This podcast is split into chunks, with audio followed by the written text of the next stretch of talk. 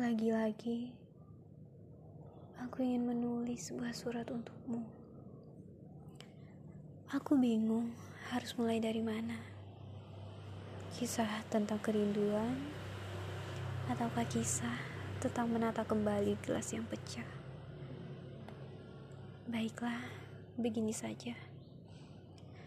Kau sudah tahu kan kisah tentang gelas yang telah hancur dipecahkan tuannya? Menyedihkan bukan? Berkali-kali aku mencoba menata gelas itu kembali. Tapi nyatanya tetap gagal. Bahkan terkadang pecahannya membuat luka baru yang lebih dalam.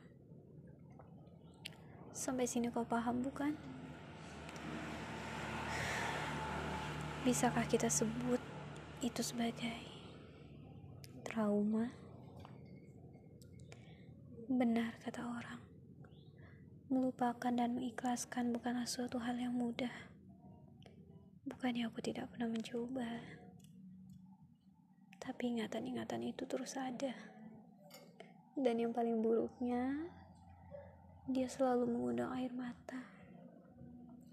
Tidak bisakah sekali saja kau gantikan itu dengan seuntai senyuman? Aku tidak punya pesan pada paragraf terakhir kali ini. Yang pasti, malam ini ada sebuah hati yang mendung. Persis seperti langit mendung yang ada di atas kepalamu.